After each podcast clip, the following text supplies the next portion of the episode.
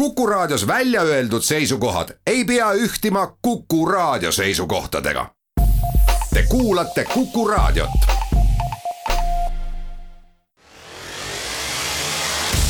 K-komando kolmkümmend, mehed maski taga.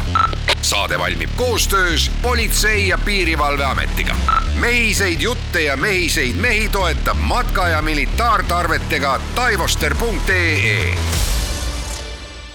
kaunist kolmapäeva õhtut, head kuulajad. kuku raadiol ning Politsei- ja Piirivalveametil on hea meel alustada meie eetris ja ka taskuhäälingus uut saatesarja K komando kolmkümmend saatesarja, mille pealkiri juba ainuüksi ütleb ära, kellest see saade kõneleb ja miks ta kõneleb meil on ütlemata hea meel olla osalised Eesti riigi julgeoleku ühe vaikse ja vankumatu alustala, politseilise eriüksuse K-komando kolmekümnendal sünnipäevapeol. teha seda raadioeetri vahendusel, rääkimaks nendega, kes reeglina ei räägi vähe sellest, nad enamasti pole ka avalikus elus nähtavad ja kui on, siis kindlasti näotult.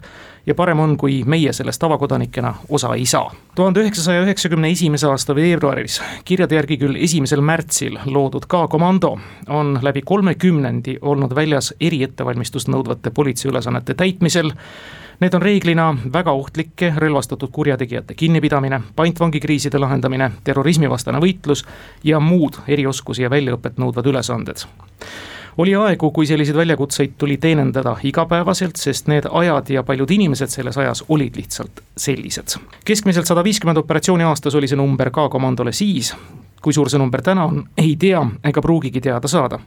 aga tööd ja tegemist jagub K-komandol meie eriväljaõppega eliitüksuselt tänini, nagu saame aimu ka järgnevate saadete jooksul. Neid saateid saab olema kokku neli, igal veebruari kolmapäeval kell kuus õhtul ja järelkuulatavana Kuku raadio ja ka Politsei- ja Piirivalveameti taskuhäälingus igas saates keskendume mõnele ajastu omasele teemale või paarile või isegi enamalegi inimestele ja sündmustele nendes teemades. meie tänane sissejuhatav saade on nende meeste päralt, kelle poole saame pöörduda ühena vähestest nime mitte numbreid pidi. meil on väga hea meel K-komando juubeli puhul esmalt õnnitleda ja tänada stuudiosse tulemast eriüksuse endisi ja praegust juhti. alustades legendaarsest number neljakümne neljast, ütled ka, mõtled Kolk ehk Lembit Kolgist. tere! eriüksuse juht siis aastatel tuhat üheksasada üheksakümmend kolm kuni kaks tuhat kolm. hea meel on tervitada ka eriüksust aastail kaks tuhat kolm kuni kaks tuhat neliteist juhtinud Heldur Lompi tervist! ja K-komando tänast juhti eriüksuses juba kahekümne kuuendat aastat töötavat Hannes Perki. tere! Me võtame tänase sissejuhatava saate teemaks siis K-komando sünni ja arenguloo läbi kolme juhi nägemuse ja tegevuse, ehkki vaieldamatult jääb eriüksuse loomise ja kujunemise raskuskese pigemini ikka sinna algusaegadesse, aga arengus on üksus ju kindlasti siiani. alustame päris algusest ja kõigepealt lükkame ümber müüdi, nagu oleks Lembit Kolk K-komando looja, päris nii see ei ole, Lembit Kolk oli K-komando loomise aegu kehalise kasvatuse õpetaja Gustav Adolfi gümnaasiumis, õpetas Sisekaitseakadeemias ka poistele käsitsi võitlust. Teie tulite aasta-poolteist tegelikult pärast K-komando loomist Henn Kase kutsel, selle looja kutsel ja abikomissariks, mis ülesannetega, millise motivatsiooniga? ja mina tulin Enn Kase kutsel ja, ja ma arvan, et ka peadirektori Jüri Nurme kutsel üheksakümne teisel aastal. ja Enn Kask oli tõesti see, kes äh, hakkas looma seda ja jooksu pealt äh, looma, sest äh, nagu juba te rääkisite, et pommid plahvatasid ja, ja kogu aeg oli, iga päev oli peaaegu laip, et asi oli päris hull ja Enn Kasel ei olnud aega ausalt ütelda midagi seal ehitama hakata, ta tuli käigu pealt, ta võttis need poisid, keda ta sai miilitsast, Afganistani eh, kogemustega paar poissi oli ja pidi kohe tööle hakkama. nii et jah, mina tulin üheksakümne teisel aastal siis. kas Heldur Lump oli enne Lembit Kolk juba K-komandos?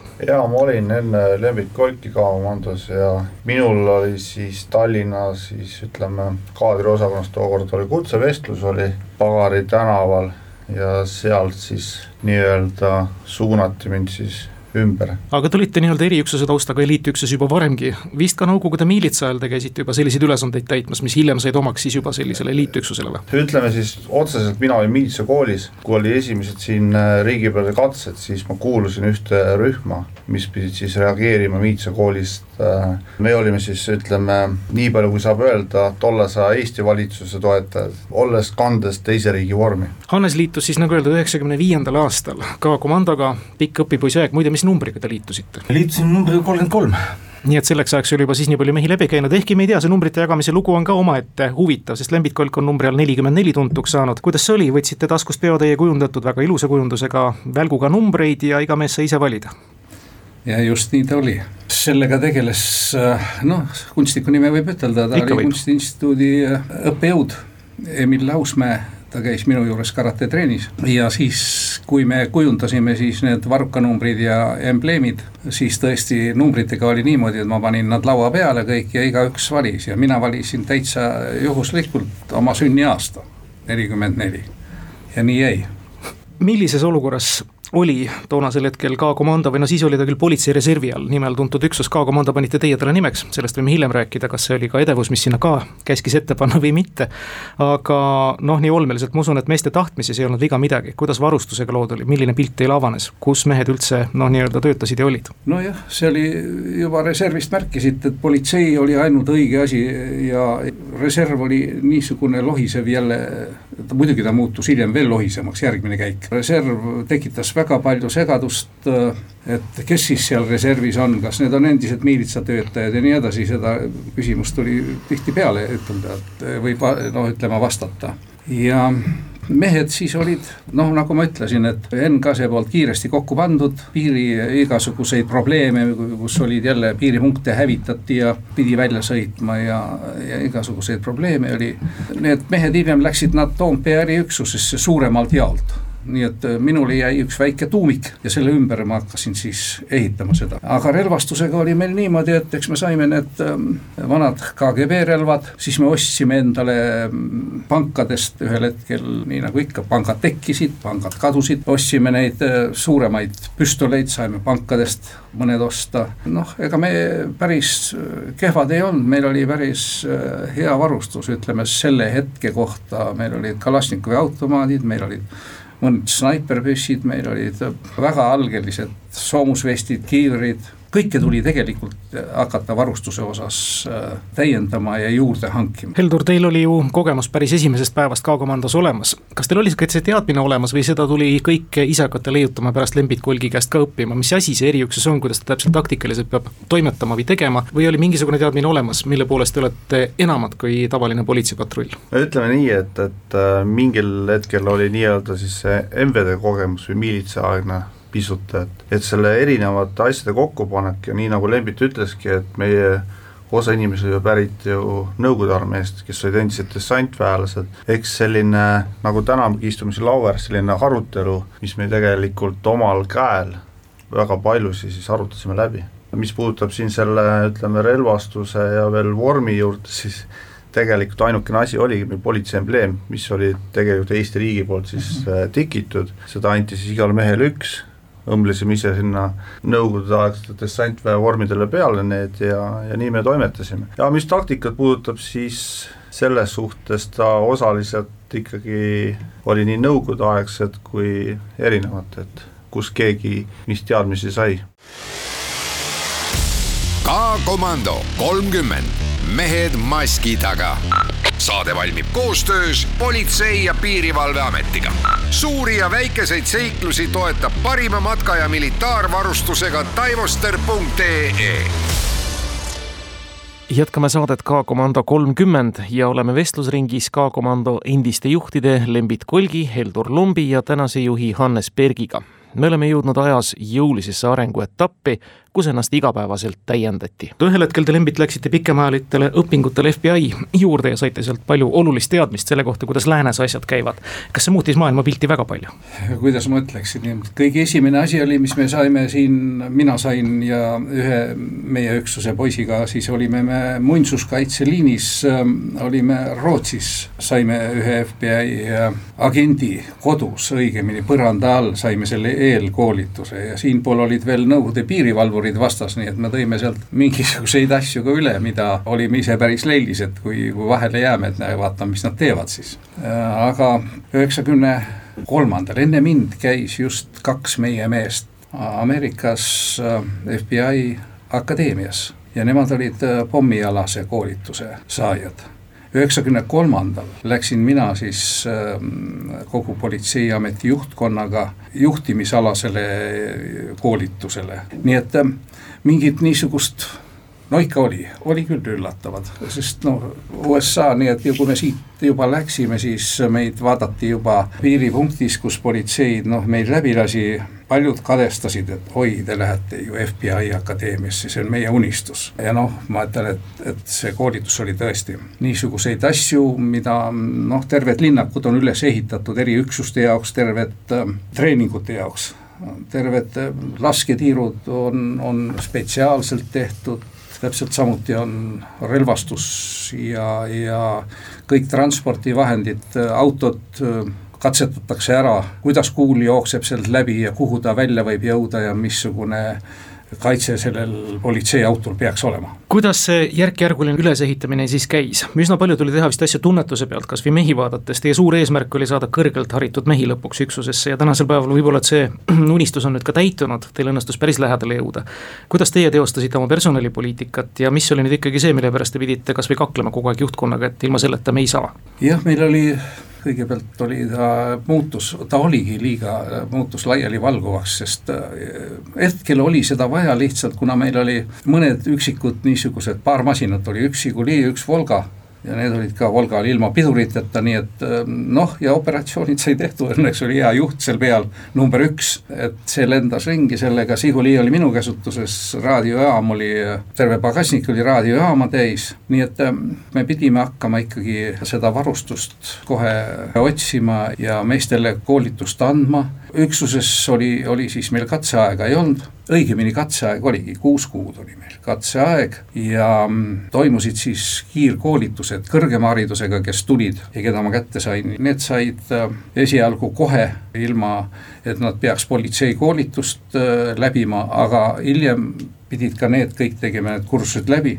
Need olid Lubja tänaval ja, ja ma võtsin ju, kuna ma olin äh, Politseiakadeemias üheksakümne esimesel aastal olin käsitsi võitluse õpetajana ametis, siis ma tõin, sealt sain poisse kolm-neli meest ma sain oma karate gruppidest, kes siis läksid ka sellest eriüksusest pensionile minu teada. ja, ja niisuguseid füüsilisi katseid ei olnud, põhimõtteliselt oli, oli üksus valis enda hulgast õigemini vaatas, mis meestega on tegu, nad ei saanud esialgu neid ähm, märkegi, ütleme seda pardanumbrit, ta pidi selle katseaja läbima, katse ajal siis vaadati, kuidas ta on, tema stressitaluvus on, kuidas ta suudab äh, niisugustes ähm, ekstreemsetes olukordades inimestega käituda, äh, laskeoskus ja, ja mõni mees äh, läbis katseaja tal oli ja kõigil oli neil peaaegu, võib-olla puhastas püssi põhiliselt relvaruumis.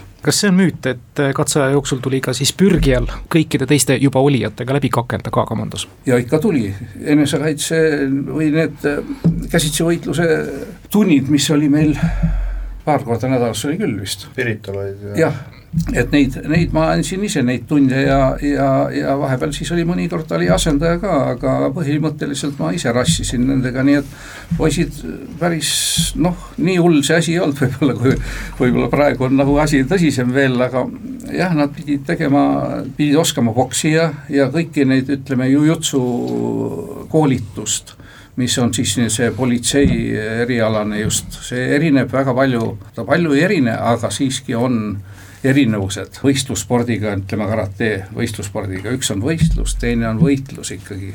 seda võitlusolukorda, neid, neid, neid sai päris palju ikka läbi mängitud, neid olukordi ja läbi viidud treeningud. Heldur Lomp teist kasvas siis Lembit Kolgi tuules, ühel hetkel ka üksusele juht, aga kui te neid arenguaegu meenutate esimestel aastatel, kui pagarist tuli toimetada tavaliselt majas, kus lift ei töötanud või ta meelega ei pandudki tööle, kui mõni kuri ajakirjanik tuli ja nii edasi.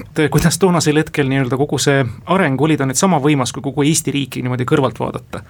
kus väga olulisi reforme tehti, kus väga olulist varustust, väga olulist know-how'd näiteks teie K-komandosse sisse toodi? ega ta kerge ei olnud, aga ma vaatan üldse nagu tervikuna, et äh, see eriüksus on tegelikult arenenud nii nagu Eesti riik. mis on sellel hetkel olnud need võimalused, siis äh, kui ma nagu vaatan äh, tolle aja võimalusi ja täna, siis me pidime väga palju tõestama, et mis nagu seal nagu niimoodi kõnetas ikkagi see, et meie vajadus oli suur ja saadi asjadest aru. et noh, ma ei tahaks võib-olla väga selliseid musti näiteid tuua, aga näiteks rasked kuulivestid me pidime saama tänu sellele, et keegi pidi mäoristis pihta saama, hukkuma, siis leiti kohe see vinants, et selliseid võib-olla musti näiteid nagu ei peaks kogu aeg nagu rääkima või ootama, aga see oli näiteks üks näide. meil oli liiklusrühm, oli sees, oli konvoirühm ja oli isikukaitse mingisugune väike grupikene ka alg-, algaastatel.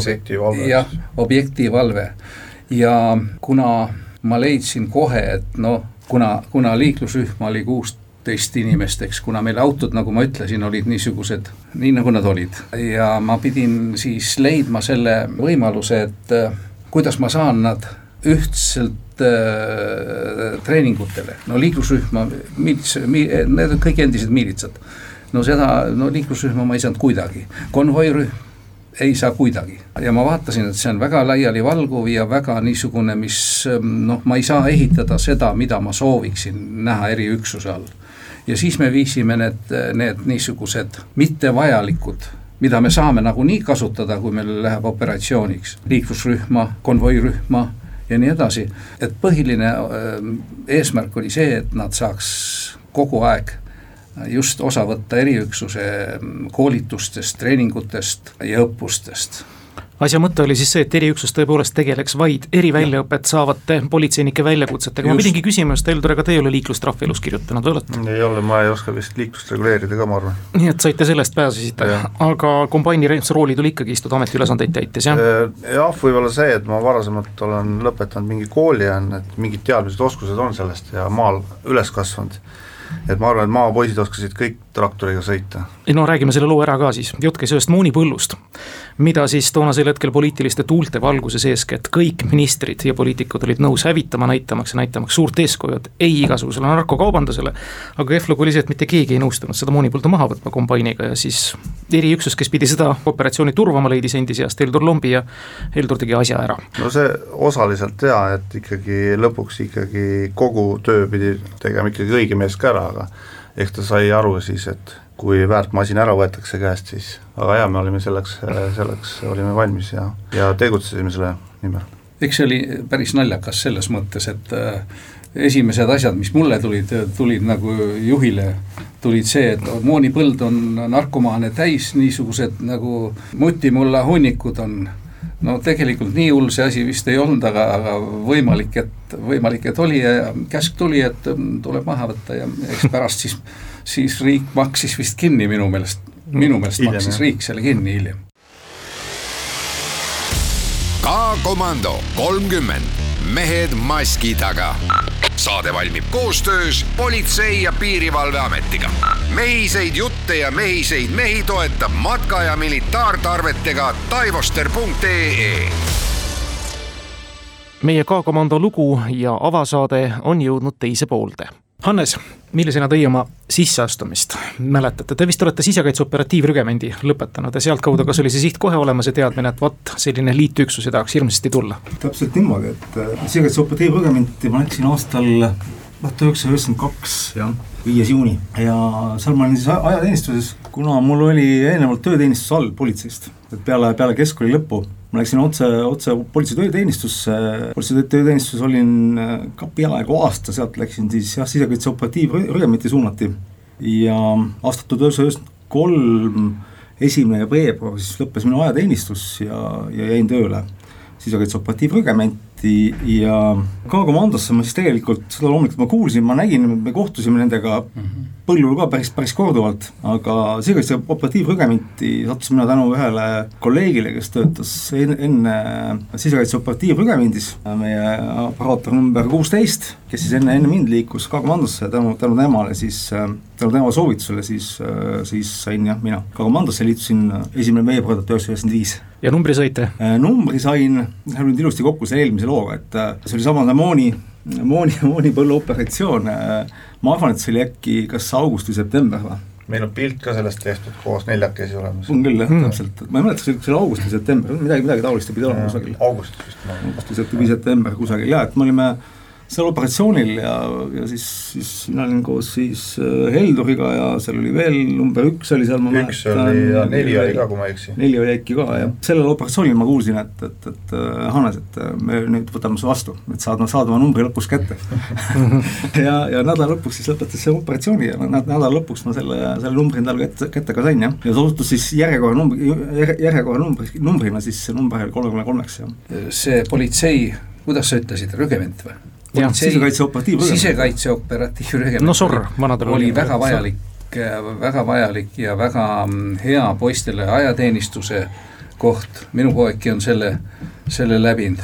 no ja tänane Politsei- ja Piirivalveameti peadirektor samuti. jah, ja -hmm. sellega me tegime päris palju operatsioone koos ja, ja minu meelest väga edukaid operatsioone, nii et meil oli, Hannest oli lihtsam, märgatavalt lihtsam vastu võtta juba, me teadsime juba, kus ta tuleb kui te nende algusaegade väljakutseid mäletate ja meenutate, no tahaks arvata, et inimloomus on ka ajas muutunud, aga pigemini vist mitte, pätt jääb ikka pätiks ja kui ta kavatseb ikka midagi kurja saata, siis ta ikka paneb ikka midagi kurja toime, võib-olla varasematel aastatel oli seda alkoholi tarvitamist rohkem, aga ütleme, selline keskeltläbi selline no ütleme, operatsioon, milliseid ilmselt palju ette tuli, kibuvitsapaar mida te vist vaata, et üle päeva sisuliselt külastasite, kurikuulus baar.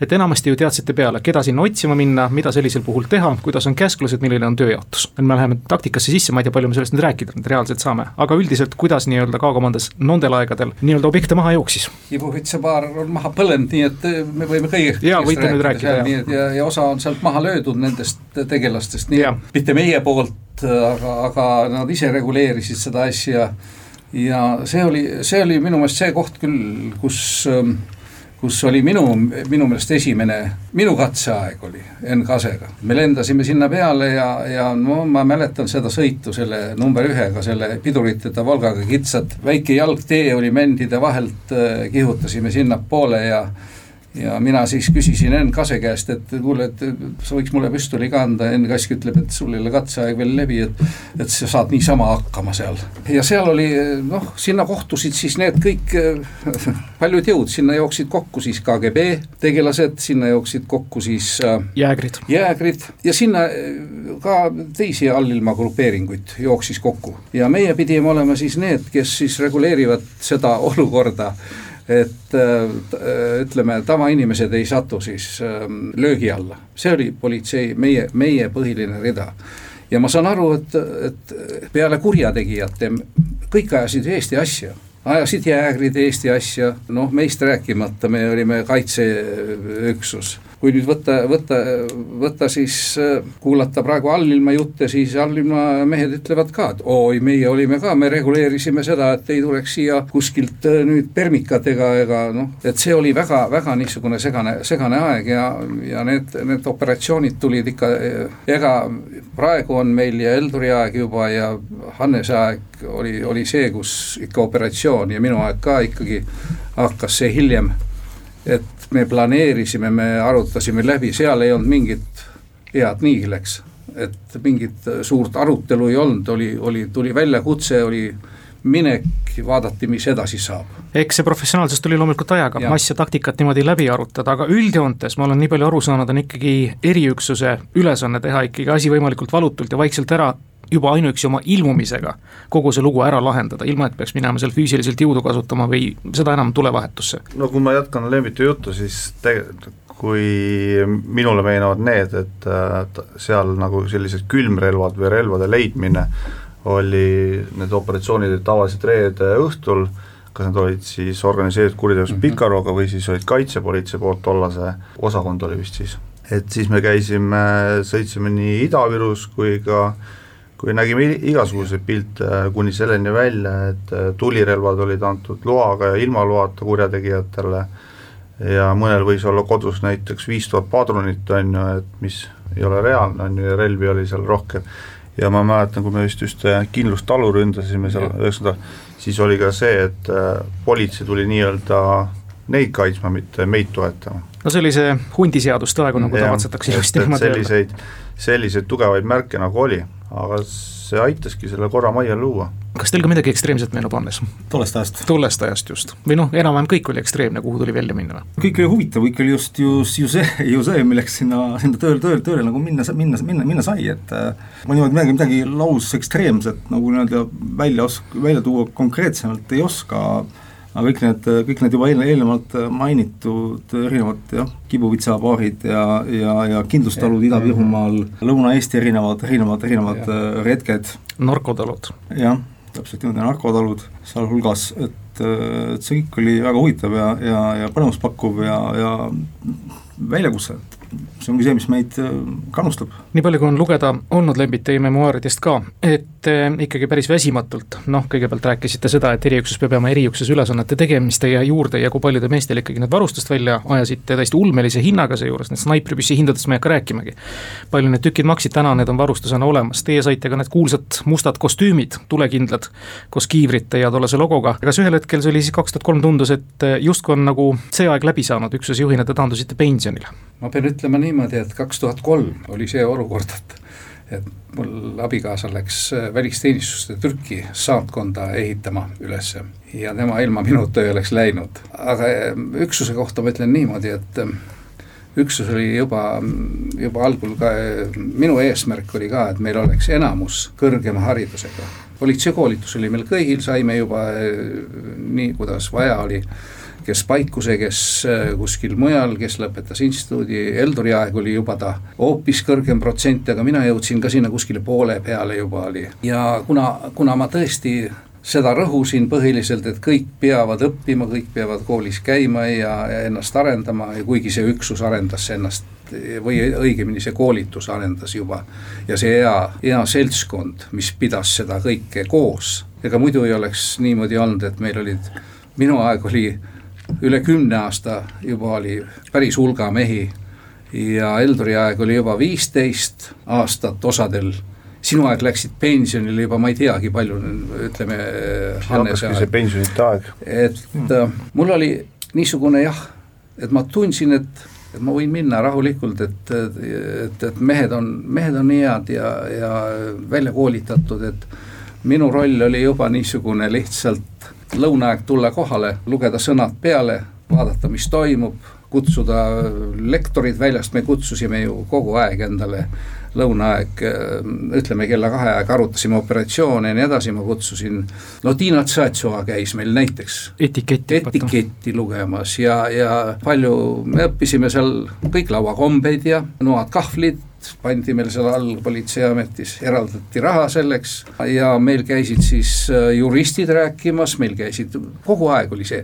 ma tundsin jah, et, et äh, kuna mina pidin minema kaasa ainult, siis minu meelest ma võin eksida natukene, aga minu meelest kui üle poole, algul oli üle poole üksuse väljas aga kuna äh, mul ei olnud vajadust välja saata, mul oli juba kaks head juhti, ma kaotasin kohe ära abikomissari koha ja tegin selle asemele poistele normaalset palka maksta, tegin kohe kaks äh, juhtivinspektorit, üks oli Heldur ja üks oli veel. ja siis ma tundsin, et, et, et tõesti mul, kuna ju välja läheb niimoodi siia kaks-kolm meest, sinna kaks-kolm meest äh, ja, ja huvitav oli küll, ega ma ei ütleks, aga, aga oli niisugune situatsioon, et ma jätsin rahuliku, rahuliku südamega selle üksuse ja kuna oli teiselt poolt, ma pidin minema abikaasaga kaasa, nii et mul oli hing rahul ja on siiamaani vaatan, et et asi on läinud ainult tõusujoones. K-komando kolmkümmend, mehed maski taga. saade valmib koostöös Politsei- ja Piirivalveametiga. suuri ja väikeseid seiklusi toetab parima matka- ja militaarvarustusega taivoster.ee head kuulajad, jätkame vestlusi K-komando endiste ja praeguse juhiga.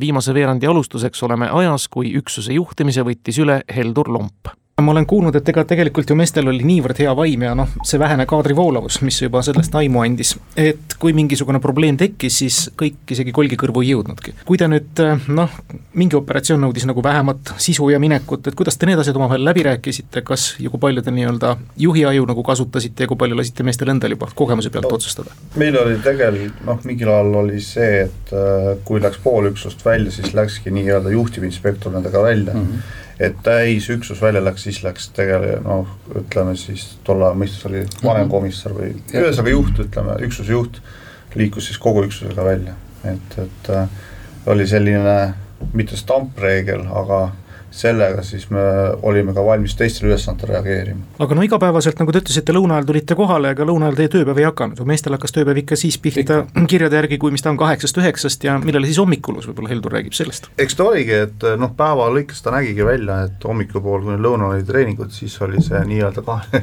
kahene koosolek, on ju, et äh, see on vist sajandeid olnud, on ju, ja, ja peale seda tihtipeale hakkasidki meil need operatsioonid ja just, et see kuritegelik maailm tol ajal nagu meie võtmes väga palju oli ikkagi seda õhtu-öötööd ja kui see hommikupoole lõppeski, siis osa meeskonna liikmeid tulidki nii-öelda selle kella kahesele kogunemisajale ja, ja siis vaadati päev edasi, et nii nagu Lembit rääkiski mm, -hmm. siis me arutasimegi neid asju ja nii ta ongi.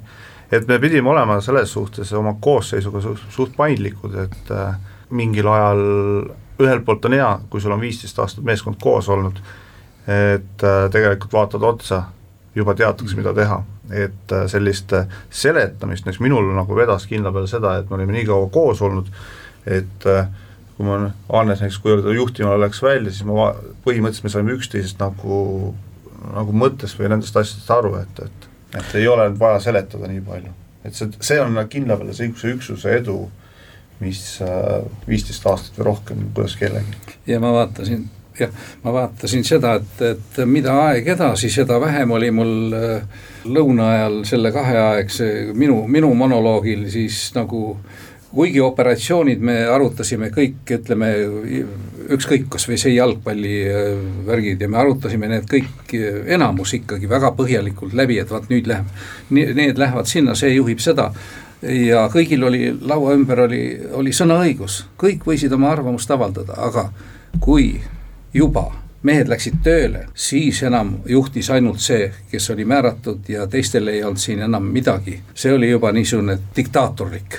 aga selle kohta ongi see ütlus olemas, mida tasub ikka korrata, et eh, sellistes struktuurides tavaliselt kaitstakse demokraatiat, aga ei harrastata seda, see on kohe päris selge. jah, teatud olukordades ja. küll, kuna mehed on välja treenitud, eh, neil see eksimisvõimalus Just. juba on väga, nad on kõik läbi need olukorrad, enamus olukordi nad peavad olema läbi mänginud, nii et nii et see, mis nad teevad, on juba niisugune automaatne, et siis on see eksimisvõimalus on kõige väiksem kas see spetsialiseerumine, et mõni mees lihtsalt oskab teist asja paremini, hakkas juba teie ajal pihta või siin süvenes Helduri aegu, et kes on siin paremad snaiprid, need lähevadki katusele ja need, kes on paremad ronijad, need lähevad siis katuselt alla? ehkki ma usun, et kõik peavad tegelikult ju kõike oskama tänasel päeval. no tegelikult Lembitul, kui me rääkisime snaiperpüssidest, siis ikkagi mõned inimesed juba, kes hakkasid, äh, noh, nimesid me ei nimeta, et kes siis hakkasid nende vastu nagu rohkem huvi tundma. aga jah, niimoodi läbi aja, siis seda on ju kogu aeg arendatud, et äh, see spetsialiseerumine, et kindla peale noh, Hannesel on see roll suur olnud, et algul me tegime meid oli isikkoosseis väiksem mm, -hmm. siis tahe, paratamatult me pidime tegema rohkem tööülesandeid ja rohkem asju ja, ja eks see, aga noh, kui on meeskond suurem, me saame juba spetsialiseeruda paremini ja kindla peale noh, pikas vaates on see nagu kasulik. jah, meil oli, meil oli see, kui te küsisite siin, et, et, et noh, põhiline oli ikka ründerühm, hiljem tulid sinna snaiprid juurde, need on siis eriüksuse silmad ja kõrvad. ja, ja snaiprite kohta on niimoodi, et see hakkas juba, juba mitte kohe algul minu ajal, kus me alles hakkasime snaiperpüsse hankima, vaid natuke hiljem hakkasid ju snaiprid pidama päevikut esimese lasu kohta ja nii nagu peab, äh, jälgima ilmastikku ja tuult ja kõike muud. nii et esimene lask peab olema, ühesõnaga kogu aeg oli see, mis märgiti päevikusse, kui seda läheb vaja, siis seal ei tohi olla noh, kõhklust sellel snaipril et ta peab selle täitma, vastasel juhul hukkub kas keegi eriüksusest või või ühesõnaga seda, keda me kaitsma läheme, et, et juba, juba meie ajal tulid, minu ajal tulid need päevikud juba sisse. loomulikult Elduri aeg läks see asi edasi veel ja Hannes aeg vist on veel põhjalikum Heldur, teie läksite kaks tuhat neliteist eriüksuse juurest ära, ma ei tea, kas ka pensioniga jõudis kätte, mida ma hästi ei usu. ei, see oli, pension tuli varem võiks arvata, aga te läksite Sisekaitseakadeemiasse õppejõuks siis ja. õpetama seda kõike juba laiemale ringile, kui et ainult oma meestele. ja millises üksuses ja kui kerge südamega teie nüüd maha jätsite, poisid? selles suhtes, nagu ma veel kord tulen selle varasema juurde, et selline meeskond, kes on niimoodi monoliitselt koos olnud, siis sealt tegelikult ära liikuda või või siis nagu ei jää nagu niisugused rasked, pigem oli see, et peale seda tegelikult me olime enamus, hakkasimegi nii-öelda positiivselt vananema, et mhm. liikuma erinevatesse kohtadesse, et, et et ma nagu, nagu kind-, kindel oli nagu see, et see ei ole nagu, et see traditsioon näiteks, et Lembit kinkis mulle, andis üle eriüksuse templi, mina andsin mhm. eas samamoodi Annesele üle, et see oli nagu, nagu see on, see märk või see traditsioon on nagu väga hea ja see annab ainult kindlust, et ma ei kahtlenud seda noh, kordagi, sest et üksuse ülemana mina ei teinud kunagi seda, et üksus on juhist sõltuv, vaid üksus on omavahelt inimestest sõltuv. Hannes, kuidas tänasel päeval on, te olete silmitsi olnud seisuga nende seitsme aasta jooksul, kus peab jälle lilled ja võib-olla ka nimelise relva lootama siis juba veteranidele, nagu öeldud, siin kakskümmend viis aastat ja paratamatult iga tuli siis peale, ehkki ma usun, et füüsiliselt on kõik mehed väga heas vormis siiamaani välja. ja nad jätkavad teenistust ja kes kus täpselt saab oma oskustega väga hästi mm -hmm. hakkama. aga te olete siis nüüd olnud silmitsi sellega, et äh, kaader nooreneb tuleb uusi värbamisprotsesse peale teha, rahvusvaheline haare ja ilmselt koostöö on suurem kui kunagi varem ja nii edasi. jaa, tõsi ta on, et kui nüüd rahvusvahelise koostöö juurde, juurde nagu tulla, siis siis kindlasti rahvus, rahvusvahelisel koostööl kui sellisel on äh, üks arengus üleüldse üks väga väga oluline roll ja, ja, ja eelkõige tuleb siin ära märkida kindlasti koostööd äh, Reinhard Faltsi SEK SK üksusega, üksusega, kellega meil hakkas koostöö juba üheksakümmend kaks vist oli, üheksakümmend kaks, ma tean, et ühes-, ma vaatasin täna pilte, et üheksakümmend kolm käis esimene, esimene meeskond käis mm, -hmm. esimene sats nii-öelda siis käis, käis Saksamaal, Saksamaal väljaõppel.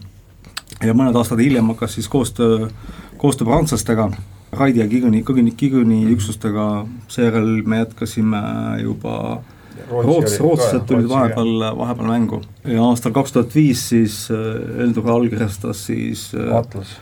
Atlase jah, et Atlas on siis Euroopa politsei eriüksuste koostöövõrgustik, et kaks tuhat viis siis all, all, allkirjastas Eldur selle, selle osa, et meie, meie oleme siis osa, osa, osa sellest äh, koostöövõrgustikust, mis on, mis on suurepärane, suurepärane asi tänaseks on jah, rahvusvaheline mõõde on, on, on, on väga suur ja, ja sealt tulev informatsioon on väga oluline, et kui nüüd tulla tagasi Reinhold Faltsi juurde, siis äh, ega me tol ajal võtsime päris palju asju Ryan Falsilt äh, üle, sealhulgas, hulga, hulgas relvastus, et, et äh, kuna neil olid väga head, väga head kogemused. Neil olid ka väga kõrged majad kus sai laskumist õppida. kus, kus ka, kus ka laskumist õppida, et, et neilt sai nagu õppida ja üle võtta, sõna otseses mõttes üle võtta väga-väga palju. aga mis nüüd meestesse puutub, kuhu ma tahaks nagu saate lõpetuseks järjegi jõuda, et see kolmkümmend aastat väärtusi, mida on kantud, et need on järjepidevalt sama tehtud, kas te näete ka tänaste tulijate juures, et ju päris verinoori, neid, kes SKA lõpetavad koheselt ju ei võta. Neil peab ikka mingi kogemus all olema. aga et neil see mõttemaailm oleks sama positiivne kui siin näiteks Lembit Kolgil või Heldur Lombil või siin samal legendaarsetel number ühel ja null ühel ja, ja number null neljal ja nii edasi, et kuidas te seda nii-öelda ära tajute või kannate? Äh, jaa, see on niisugune omaette kunst, et, et, et, et eks me sellega vahel äh, üldiselt õnnestume, vahel ka ebaõnnestume, mis seal, äh, mis seal, mis, mis seal parata. et kui nüüd tulla nagu valiku juurde, siis ma arvan, niisugune põhjalikum valikuprotsess hakkas meil pihta Elduri juhiks olemise ajal ja ka nii-öelda siis kahepäevased katsed minu arust sai juba sisse viidud Elduri juhiks olemise ajal. Ja tänaseks ta, ta sisuliselt käib selliselt, et et meil kõigepealt intervjuu, intervjuu ongi selline põhiline tunnetus, tunnetus, tunnetusmoment, kus me siis püüame ära tajuda, mis inimesega meil tegu on. me vaatame talle silm, silma, ta istub meie ees, meil on seal terve, terve hulk inimesi, inimesi, kes teda siis nii-öelda intervjueerivad ja, ja, ja väsitavad seal ja püüame aru saada, et mis inimesega meil tegu on, et milline on tema motivatsioon ja kas tal silm, silm särab, kas tal on, kas temas on seda, mida me siis nagu, nagu, nagu tegelikult, tegelikult, tegelikult nagu otsime. Teine üks oluline asi, mis tänapäeval, tänapäeval on oluline paratamatult, on see, et äh, ära tajuda, et äh, mis tüüpi inimest, või õigemini sa pead üks või siseselt nagu, nagu ära tajuma, et mis tüüpi inimest sa vajad, kas, kas sa vajad äh, nii-öelda siis äh, horisontaalse ambitsiooniga inimest või vertikaalse ambitsiooniga inimest, et, et see on kindlasti üks väga, väga, väga huvitav moment tänapäeval, et pigem peame just vaatama, et mis, mis inimesi meil üksuses sees on praegu, kus meil on nii-öelda, meil on horisontaalse äh, niisuguse ambitsiooniga inimesi on nagu üksteisest nagu piisavalt, siis me kindlasti valiks just vertikaalse ambitsiooniga inimesi, kes tahavad olla spetsialistid ja väga-väga head spetsialistid, et, et ja nii-öelda neil, neile meeldibki spetsialistiks olemine, et, et see on minu arust tänasel päeval üks kõige olulisi, olulisemaid asju ja võib-olla isegi kõige raskemaid asju just selliseid inimesi leida.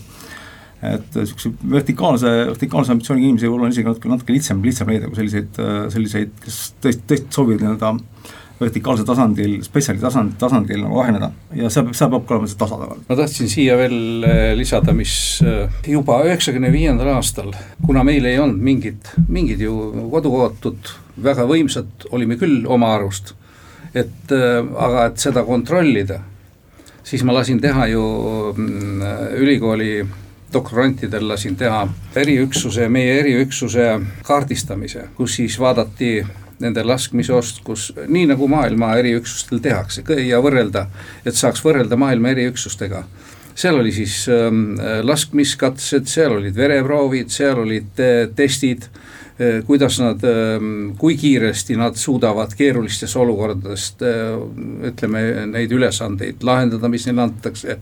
ja nii edasi ja nii edasi, päris palju asju oli.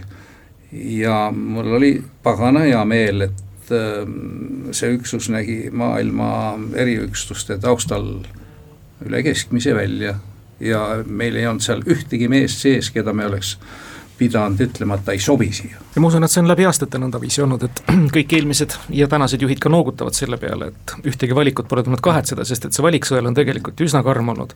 on tulnud pisikesi kui kotinööplas, ma arvan, suur seljakott seljas, aga tohutult vajalikke inimesi on tulnud selliseid ka, kellele kuulivestki kipub väikseks jääma, aga kõik on jällegi vajalikud olnud, et siin ei sõltu midagi mõõtudest.